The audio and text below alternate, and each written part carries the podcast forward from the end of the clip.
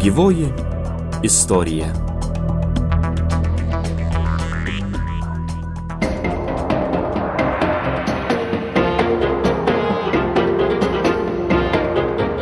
Labadiena prie mikrofono žurnalistė Inga Berulienė. Žydų mokslo institutas Ivo, kuris iki šiol veikia New York'e, buvo įkurtas Vilniuje 1925-aisiais. Jame buvo kaupiamas žydų liaudės folkloras, memoarai, knygos ir publikacijos, žydų bendruomenės dokumentai. Institutas veikė iki 1941-ųjų, kada nacijai archyve sukauptas knygas išvežė į Frankfurtą prie Maino. 1946 metais amerikiečių kariuomenė aptiko šią medžiagą ir perkėlė perkelė į Niujorką, kur tuo metu jau veikė atkurtas Ivo instituto padalinys. Kaip klostėsi daugiau nei 15 metų instituto veikla tarpukario Vilniuje, kodėl taip dramatiškai istoriniai kataklizmai išblaškė instituto archyvus ir apie šiuo metu sėkmingai gyvendinamą projektą, kurio tikslas surinkti vieną visumą ir rekonstruoti tarpukaryje gyvavusio žydų mokslo instituto turtus ir kalbėsime šioje gyvosios istorijos laidoje su šio projekto Vilniaus archyvarė Lara Lempert.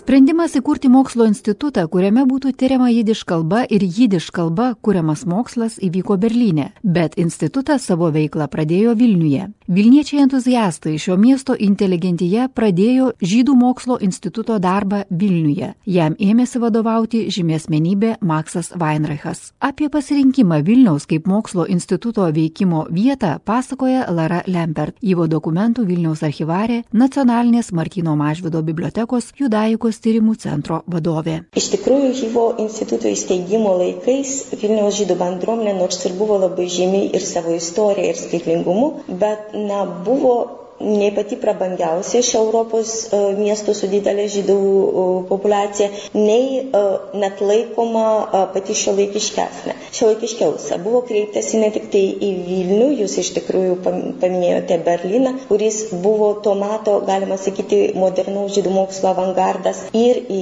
Lenkijos didmeščius, tokius kaip Varšuva ar Belustokas, bet kaip būtų keista, pati neturtingiausia žydų bendruomenė buvo vienintelė, kuri entuziastingai sėkmingai atsiliepė. Svarbu buvo ir tai, kad e, Vilniaus žydų intelektualai labai palaikė šitą idėją ir, pavyzdžiui, būsimas Vilniaus instituto, gyvo e, instituto direktorius Maksas Weinrachas paskui reflektuo, jau vėliau reflektuodamas situaciją paminėjo Vilnių kaip turinti ypatingą genijus loci žydų atžvilgių. Ir e, jau paskui, žiūrint e, istoriškai atgal, e, tai nebebuvo galbūt paradoksalu ir atrodė dėsninga bet e, instituto įsteigimo metu iš tikrųjų tai buvo ganėtinai didelė e, staigmena visai Europai, bet jinai labai greitai tapo faktu.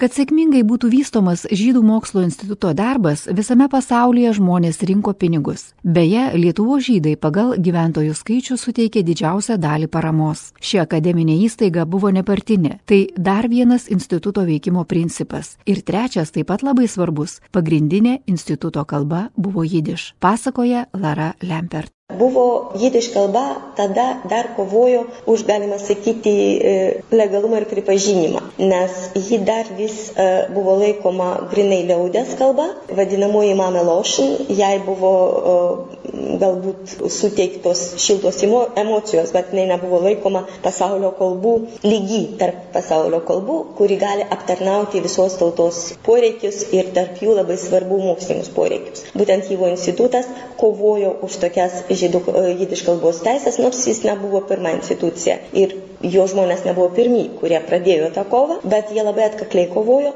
ir iš tikrųjų priejo situacijos, kai pradedant visus blankus ir visą susirašinėjimą ir baigiant mokslinių darbų leidimu, viskas įvyko jidiš kalba ir tai iš tikrųjų buvo didžiulis šios kalbos laimėjimas ir instituto laimėjimas kovojant už šią kalbą.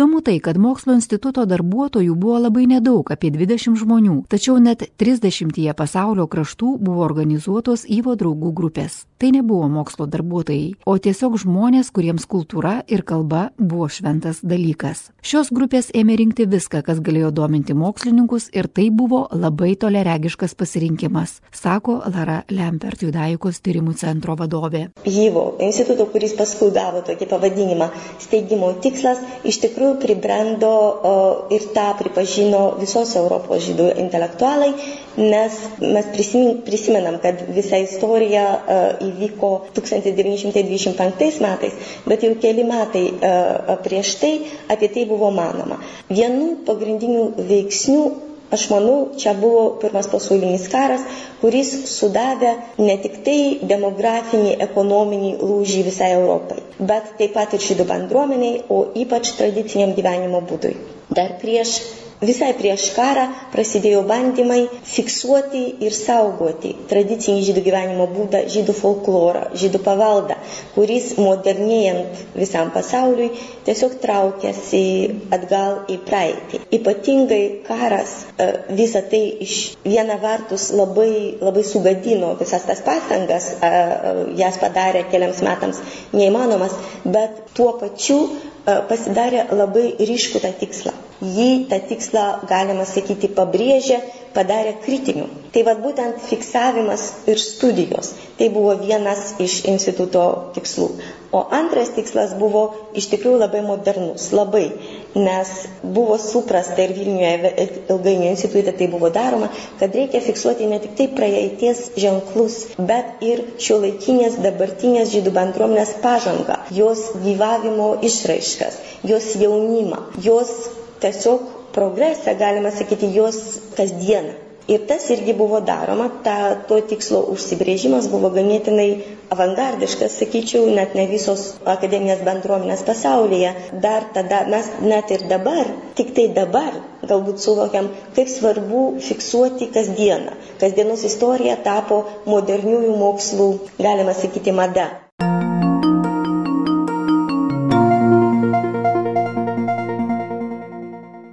Tarp 1925-39 metų išaugo ne tik Žydų mokslo instituto pastatas Vilniuje, bet ir buvo sustiprintos veiklos. Buvo sukurta turtinga biblioteka. Kiekvienam rašytojui buvo garbė atsiųsti knygą su savo parašu bibliotekai, o dailininkui savo paveikslą instituto galerijai. Kiekvieną mėnesį institutas leido žurnalą. Mokslinė veikla buvo suskirstyta sekcijomis. Net iš to išlikusio mokslo lobino fragmentų galima rekonstruoti visumą, kuri buvo sukaupta tarpukario Vilniuje, sako Lara Lambert, Vilniaus archivarė. Apžvelgiant instituto išlikusius dokumentus ir archyvus, tik išlikusius po visų kataklizmų, mes galim iš tikrųjų apstulpti, kiek per tuos 15 metų buvo padaryta, buvo spėta padaryti. Apžvelgti vien tik tai instituto biurokratiją ir susirašinėjimą, mes galim pamatyti, kad buvo jo, į jo veiklą buvo vienaip ar kitaip įtraukta visa Europa, JAV, Australija ir Pietų Afrika. Ir e, kalbant apie instituto turtingiausius įmanomą archyvus ir biblioteką, vien e, bibliotekos kartotekas, kuri buvo keliolika įvairių rūšių. Žinoma, tos kartotekos fiksuojo esamą medžiagą. Tikrai galim paminėti, kad kaip ir bebūtų paradoksalu, institutas nuo pirmųjų dienų veikia pilnų mastų. Aš manau, priežastys buvo ta, kad jis turėjo veikimo strategiją, tuos principus, kur iš dalies jau paminėjom, ir labai didžiulį entuzijazmą, nes bendradarbių kiekis nebuvo didelis. 20-30 tai sviravo žmonių, kurie buvo pastoviai ir dar buvo žmonės, kurie prijautė tai veiklai, e, akademinis komitetas, mokslininkai pasaulio, kurie visą laiką patarinėjo, mokslininkai, menininkai, tokie kaip Dubno Ivanovas, Šagalas susirašinėjo ir patarinėjo, bet žmonių, kurie veikia tą kasdienę darbą, nebuvo daug. To, kas išliko, irgi galima pilnai atstatyti struktūriškai paveikslą to, kas buvo, juolab, kad prieš kario metais institutas spausdindavo savo veiklos ataskaitas ir tai išliko, jos išliko už, už keletą metų. Pirma ataskaita buvo išspausdinta 35 metais kaip 10 metų jubiliejus, kita po 3 metų ir institutas taip pat šventė šitą datą ir paskui 306, 307 metais, na paskui, o lygiai greičiai buvo, buvo jau kasmet, kasmetinės tos ataskaitos, kiekvienoje jų buvo minima ne tik tai, minimi ne tik tai tie darbai, kurie įvyko už atsiskaitimo laikotarpį, bet visą laiką buvo kartuojama, ką institutas sukaupė tam laikui ir kokias struktūras įkūrė. Apie istorinį kultūrinį palikimą esantį šalia mūsų. Kodėl tai galėtų būti svarbu ir įdomu? Laidoje Gyvoji istorija. Jau antrojo pasaulinio karo išvakarėse prasidėjo sudėtinga rytų Europos žydų naikinimo istorija ir miesto, kuriame veikia institutas drama. Ivo be ryšio su visomis pasaulio bendruomenėmis negalėjo egzistuoti, o tuos ryšius brutaliai nutraukė žengę sovietai. Sovietmečių institutas jau nebeveikė. Kai nacijai užėmė Vilnių ir įrengė getą, Rosenbergo štabas buvo gerai informuotas, kad Maskva žydų kultūriniais turtais nesidomi ir galiojo įsitikinimas, kad žydų instituto Vilniuje Vilniuje nereikia. Tačiau nacijai puikiai suvokė, kokie turtai saugomi institute ir kaip tai galima būtų panaudoti kas yra vertinga naciams ir kas jiems yra nevertinga. Dar neprasidėjus šitam procesui, jie jau išgrobstė privačiam naudojimui pačius didžiausius perlus, tokius kaip pavyzdžiui penkis Strašūno bibliotekos inkunabulus, kurių niekas iki šios dienos nematė. Ta prasme, jie nefigūruoja jokiuose ataskaituose. Bet visa kita medžiaga ne tik tai buvo rušiuojama, bet ir buvo priverčiami žmonės už tai atsiskaityti, rašyti referatus ir taip toliau. Ir tuo pačiu provenencijos buvo visiškai, visiškai suardytos. Taigi, kas liko po, po karo? Po karo liko dalykai tokie, kurie buvo jau niekino. Jie nedomino nacijų, ne dėl to, kad nebuvo vertingi istorinių atžvilgių, bet jiems jie nebuvo įdomus. Tai, kas jiems buvo įdomu, buvo išsiusta į Vokietiją. Ir iš dalies tai buvo net laimingas atsitikimas, nes po karo jie buvo aptikti Frankfurte, supakuoti tvarkingai ir uh, Jivo institutas New York'e, kuris prieš karą buvo tik tai filialas Vilniaus instituto, o po karo, žinoma, pasiskelbė jo paveldėtojų ir tiesėjų, įgavo pagal tarptautinį susitarimą įgavo teisę tiems dokumentams kaupti savo archyvuose. Iš, iš tikrųjų, jie prisėmė tą vilnietišką dalį.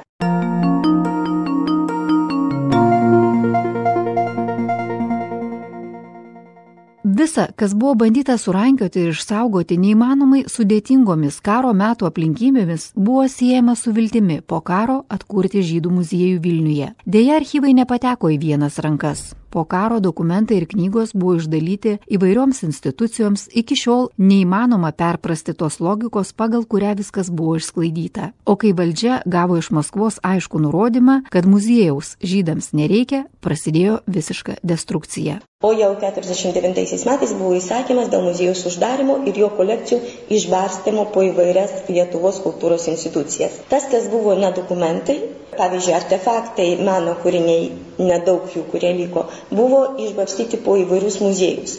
Ir dalį jų atgavo Vilniaus Gaono žydų muziejus, kai jis įsikūrė jau naujos nepriklausomybės metu. Bet dokumentai buvo atiduoti pagrindę į knygų rūmus. Vilniaus knygų rūmus. Tai kaip jie buvo atiduoti? Tai, kas buvo surušiuota, spėta surušiuoti muziejaus. Taip ir buvo su tais aplankalais atiduota. Kas nebuvo surušiuota, tai buvo absoliuti dauguma. Taip ir buvo urmų atiduota. Ir iš esmės tų dokumentų likimas, ko gero, būtų labai liūdnas dėl dviejų priežasčių. Pirma, knygų rūmai vis dėlto buvo institucija neturėjusi mandato saugoti dokumentus, o tik tai spaudą.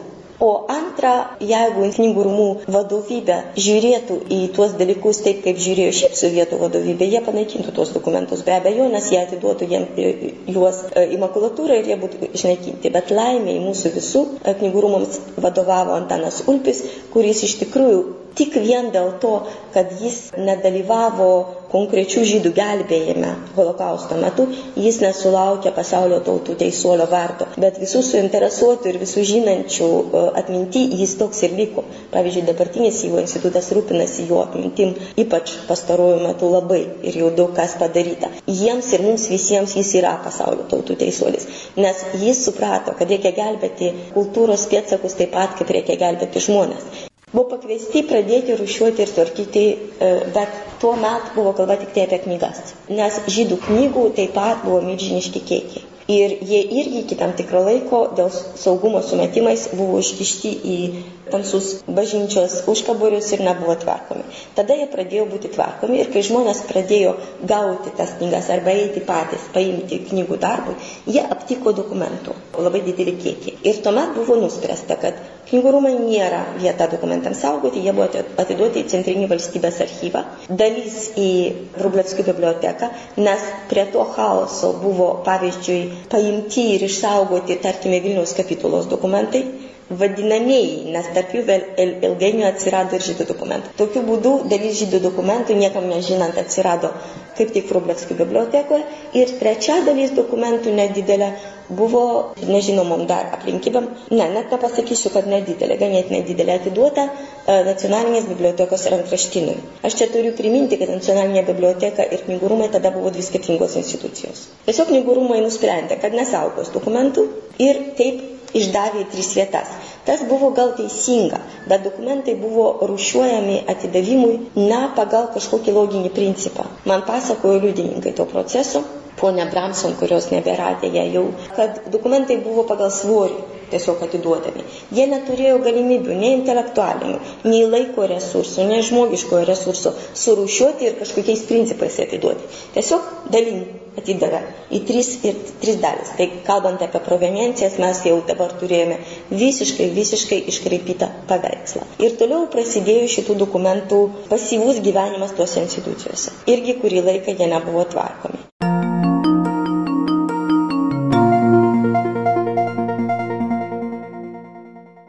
Antanas Ulpis, tuometinis knygų rūmų direktorius, tarp knygų pastebėjo ne tik unikalius žydų dokumentus, bet ir priėmė į knygų rūmus bibliografų ir bibliotekininkų žydų, kurie užsėmė bendrais darbais. Šiems darbuotojams buvo leista du kart per mėnesį vieną dieną tvarkyti žydiškas knygas. Darbuotojai rušiavo, pradėjo kataloguoti, pradėta kurti kartoteka. Kaip sako Lara Lempert. Buvo pakviesti pradėti rušiuoti ir tvarkyti, e, bet tuo metu buvo kalba tik tai apie knygas. Nes žydų knygų taip pat buvo buvo milžiniški kiekiai. Ir jie irgi iki tam tikro laiko dėl saugumo sumetimais buvo iškišti į tamsus bažnyčios užkaborius ir nebuvo tvarkomi. Tada jie pradėjo būti tvarkomi ir kai žmonės pradėjo gauti tas knygas arba eiti patys, paimti knygų darbui, jie aptiko dokumentų, labai didelį kiekį. Ir tuomet buvo nuspręsta, kad knygų rūmai nėra vieta dokumentams saugoti, jie buvo atiduoti į Centrinį valstybės archyvą, dalis į Rublevskių biblioteką, nes prie to chaoso buvo, pavyzdžiui, paimti ir išsaugoti, tarkime, Vilniaus kapitulos dokumentai, vadinamieji, nes tarp jų vėl ilgainiui atsirado ir žydų dokumentai. Tokiu būdu dalis žydų dokumentų, niekam nežinant, atsirado kaip tik Rublevskių bibliotekoje ir trečia dalis dokumentų nedidelė buvo nežinomom dar aplinkybėm, ne, net nepasakysiu, kad nedidelė, ganėtinai didelė atiduota e, nacionalinės bibliotekos rankraštinui. Aš čia turiu priminti, kad nacionalinė biblioteka ir knygų rūmai tada buvo dvi skirtingos institucijos. Tiesiog knygų rūmai nusprendė, kad nesaugos dokumentų ir taip išdavė tris vietas. Tas buvo gal teisinga, bet dokumentai buvo rušiuojami atidavimui ne pagal kažkokį loginį principą. Man pasakojo liudininkai to proceso, ponia Bramson, kurios nebėra dėja jau, kad dokumentai buvo pagal svorį tiesiog atiduodami. Jie neturėjo galimybių nei intelektualinių, nei laiko resursų, nei žmogiškojo resurso surūšiuoti ir kažkokiais principais atiduoti. Tiesiog dalin atidavė į tris, ir, tris dalis. Tai kalbant apie proveniencijas, mes jau dabar turėjome visiškai, visiškai iškreipytą paveikslą. Ir toliau prasidėjo šitų dokumentų pasyvus gyvenimas tuose institucijose. Irgi kurį laiką jie nebuvo tvarkomi.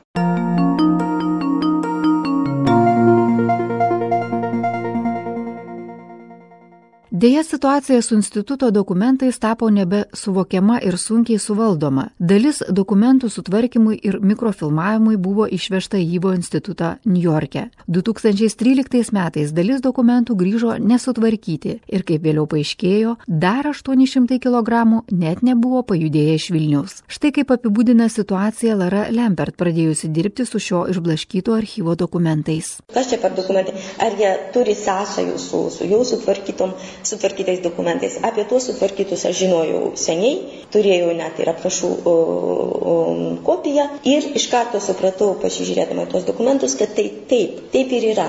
Ir dabar situacija pasidarė tokia dramatiška, kad pavyzdžiui, man nuo to laiko aš jau kelis kartus dirbau ir gyvo archyve New York'e, mes turime dokumentų, kurių vienas lapas, tikslė, žodžio prasme, vienas lapas, tarkime, trečias yra archyve tarp sutvarkytų dokumentų, penktas tarp nesutvarkytų dokumentų, o septynioliktas Yvo institutė. Bet tai dar buvo ne viskas, ne istorijos pabaiga. Ir tokiu būdu gimė Vilniaus kolekcijų Yvo projektas tvarkyti tiems dokumentams, kuris yra numatytas iki 19. Tam laikui visi dokumentai turi būti sutvarkyti, suskaitmeninti ir prieinami viešai pasaulio bendruomeniai, nebūtinai akademiniai, per specialiai sukurtą tinklaraštį, kuriame šitie dokumentai bus patalpinti visumoje, kūruojamose grupėse, su specialistų komentarais ir taip toliau.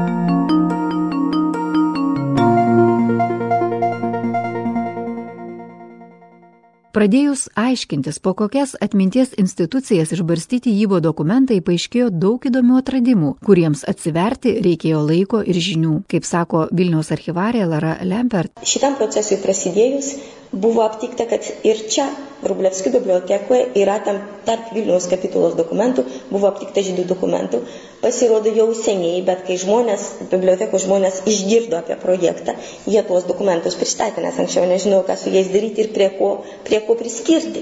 Prisidėjo ir šita dalis prie projekto, kad ir čia bus dokumentai rušiuojami ir bus ir jie aprašomi. Žinoma, į juos pažvelgus paaiškėjo, visai jau niekas nenustabo, kad tai irgi yra tuo paties tesinys. Ir paskutinis toks atradimų, galim sakyti, paskutinis skyrius buvo toks, kad, e, žinoma, knygų rūmai seniai nebeegzistuoja, susiintegravo su nacionalinė biblioteka. Tas įvyko, e, man atrodo, 80, būtent 9, na, gal 7 metais. Dabar man sunku pasakyti tiksliai, bet iš tikrųjų tai tapo viena institucija. Bet niekas absoliučiai nekalbėjo apie tos žydų dokumentus, neužsiminė ir nieko.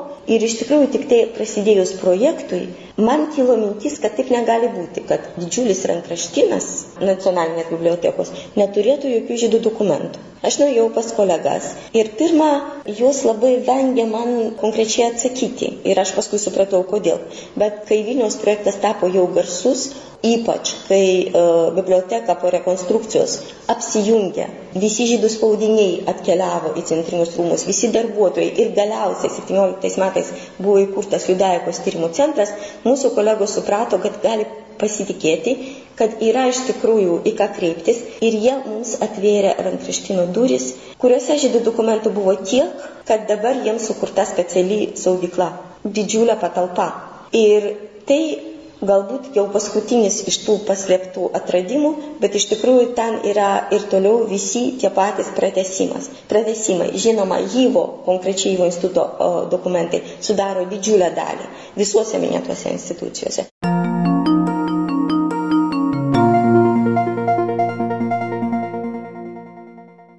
Prieš trejus metus pradėtas Yvo Vilniaus projektas tai tarptautinis skaitmeninimo projektas, kurio užduotis yra išsaugoti, jei reikia atkurti ir suskaitmeninti išlikusi žydų dokumentinį paveldą. Jį sudaro Vilniuje tarpukarėje veikusio Yvo saugotų ir nuo sunaikinimo išgelbėtų kolekcijų fragmentai. Jidiš kalba suskaitmenintos knygos sudarys didžiausią žydų dokumentinio paveldo virtualų archyvą pasaulyje.